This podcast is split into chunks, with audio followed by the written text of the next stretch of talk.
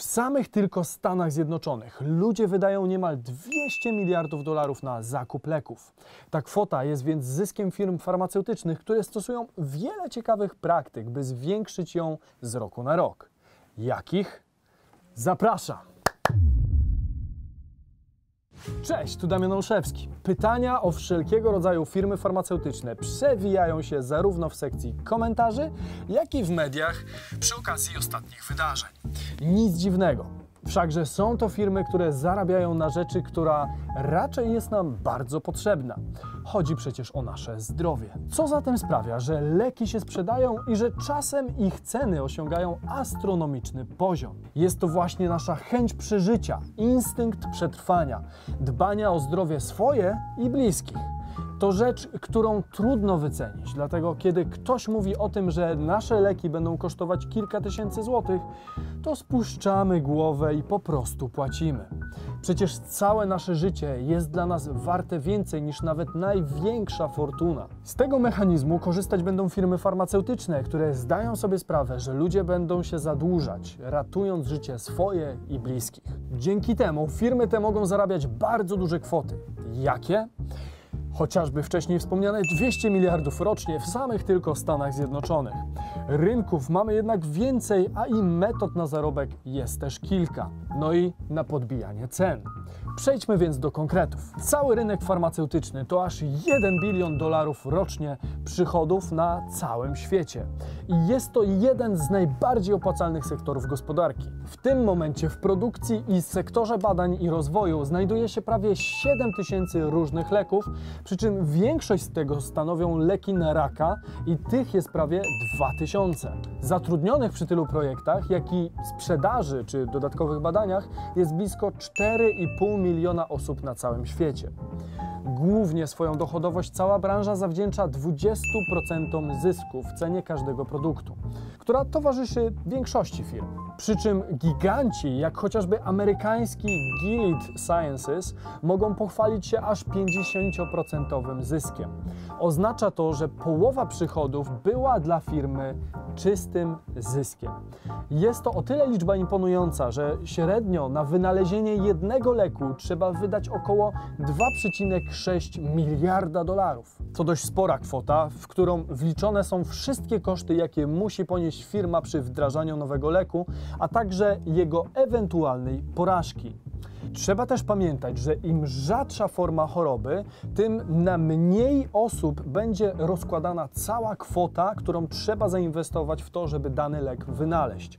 To może oznaczać, że ten lek będzie po prostu droższy. Ciekawą rzeczą jest to, że niewiele ponad 12% nowo wynalezionych leków przechodzi przez wszystkie testy i regulacje, by móc pojawić się na rynku.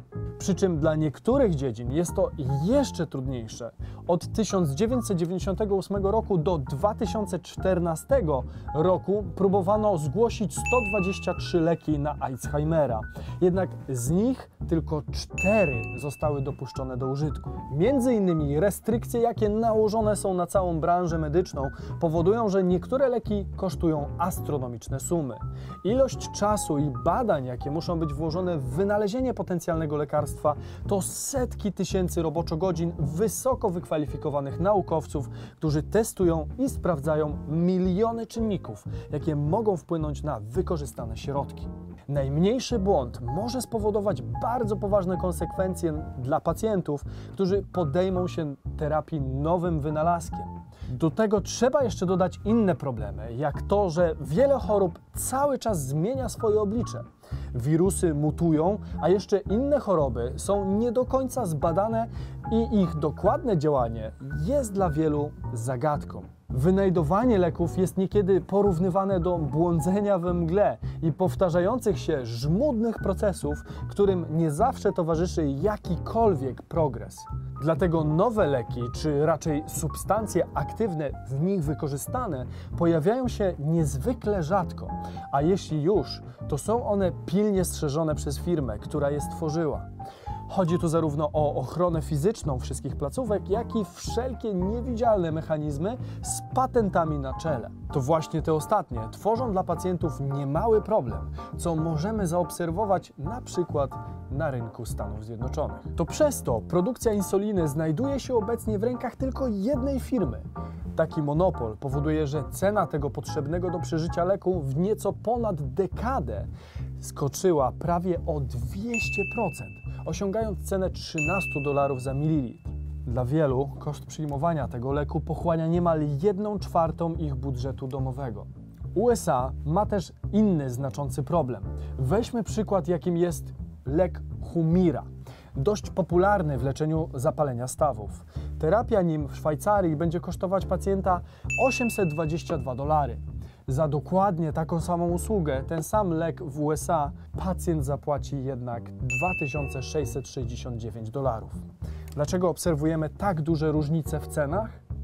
Głównie dlatego, że służba zdrowia w USA jest prywatna i cały koszt leków jest przerzucany na pacjentów, gdzie w państwach europejskich niższa cena będzie efektem działań różnych agencji rządowych czy regulacji. Amerykański system, który w teorii miał ułatwić życie obywatelom, wprowadzając konkurencyjność i wolny rynek w usługi medyczne i farmaceutyczne, odbił się im jednak czkawką powodując, że ceny leków skaczą do góry bez przerwy od wielu, wielu lat.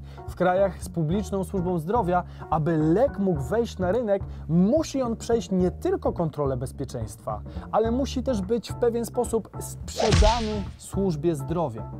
Podczas tej rozmowy lek może zostać odrzucony ze sprzedaży ze względu na to, że producent będzie się domagał na przykład zbyt dużej kwoty.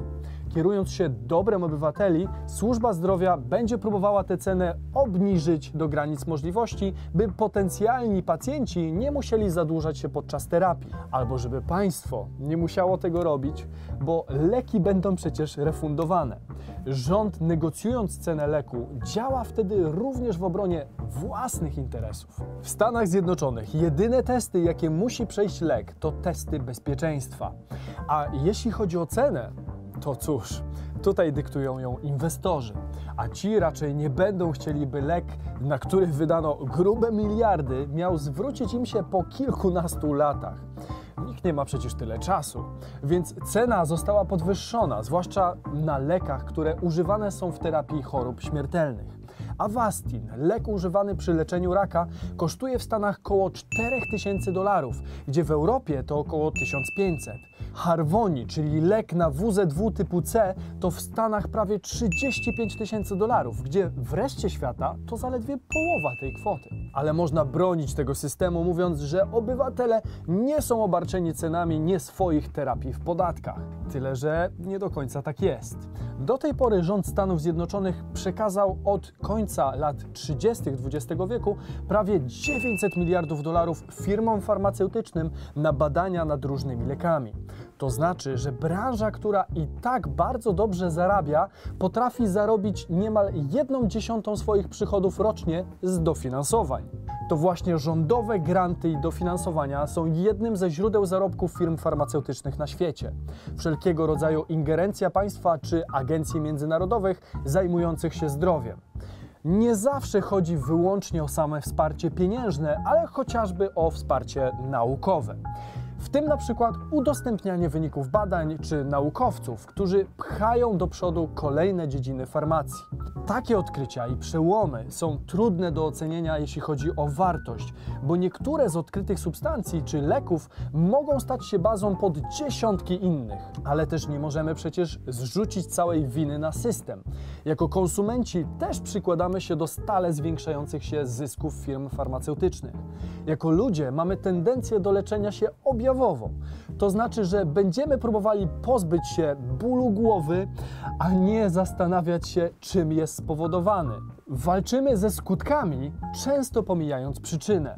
Dlatego zamiast ograniczać te drugie, będziemy woleli łyknąć jakąś tabletkę, dostępną bez recepty, która spowoduje, że ból przejdzie od razu. Szybkie rozwiązanie problemu. Oczywiście tylko na 24 godziny, ale co to za problem? Wtedy weźmiemy kolejną, albo na przykład dwie bo właśnie tak drobnymi sztuczkami jesteśmy kupowani. Kiedy Bayer miało problem ze sprzedażą aspiryny, po prostu zmieniło w swoich reklamach, że Aktorzy zaczęli brać dwie zamiast jednej tabletki.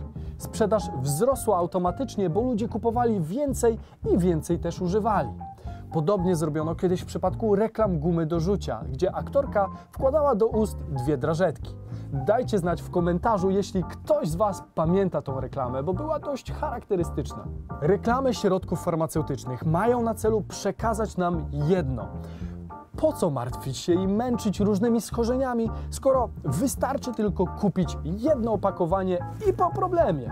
W samej telewizji takie komunikaty pojawiają się około 230 razy dziennie, gdzie zachwalać będą różne leki na różne przypadłości.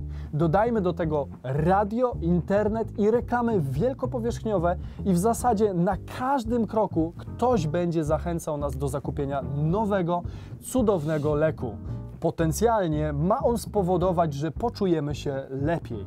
I są to tylko leki bez recepty, które niczym cukierki dostępne są przy kasach marketów, zachęcając nas do wzbogacenia swojej domowej apteczki.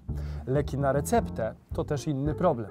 Oczywiście nie chodzi tutaj o sceny rodem z filmów akcji, gdzie lekarze przekupywani są, jeśli sprzedadzą odpowiednie leki pacjentom. Jednak i oni poddawani są różnym sugestiom, kiedy kolejna firma farmaceutyczna rozstawi się swoi, ze swoimi stoiskami na jakiejś kolejnej konferencji czy spotkaniu, albo choćby wyśle im jakiś blok kartek czy kalendarz. To delikatne działania, jednak e, na zasadzie psychologii działają podświadomie. My w Polsce nie mamy jeszcze aż tak źle. Wiele ustaw blokuje nieuczciwe działania. Natomiast we wcześniej wspomnianym USA reklama leku na depresję może lecieć w radiu, gdzie skończona będzie komunikatem lekarza, żeby ci przypisał.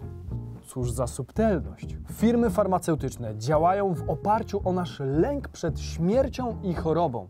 To bardzo skuteczna reklama, bo przecież każdy chce żyć i zrobi bardzo wiele, aby ten swój ziemski byt przedłużyć. Korzystając z wielu praktyk, firmy te będą więc świętować co rusz to większe zyski, bo my, jako konsumenci, nie mamy czasem nawet jak się przed nimi bronić. Jest to jednak szeroki temat i taki, o którym każdy z Was może mieć swoje zdanie. Dlatego, jeśli chcecie, zapraszam do cywilizowanej dyskusji w komentarzach pod tym filmem. A po więcej zapraszam na mojego Instagrama, gdzie zrzucam różnego rodzaju przemyślenia i ciekawostki. To tyle na dziś. Cześć!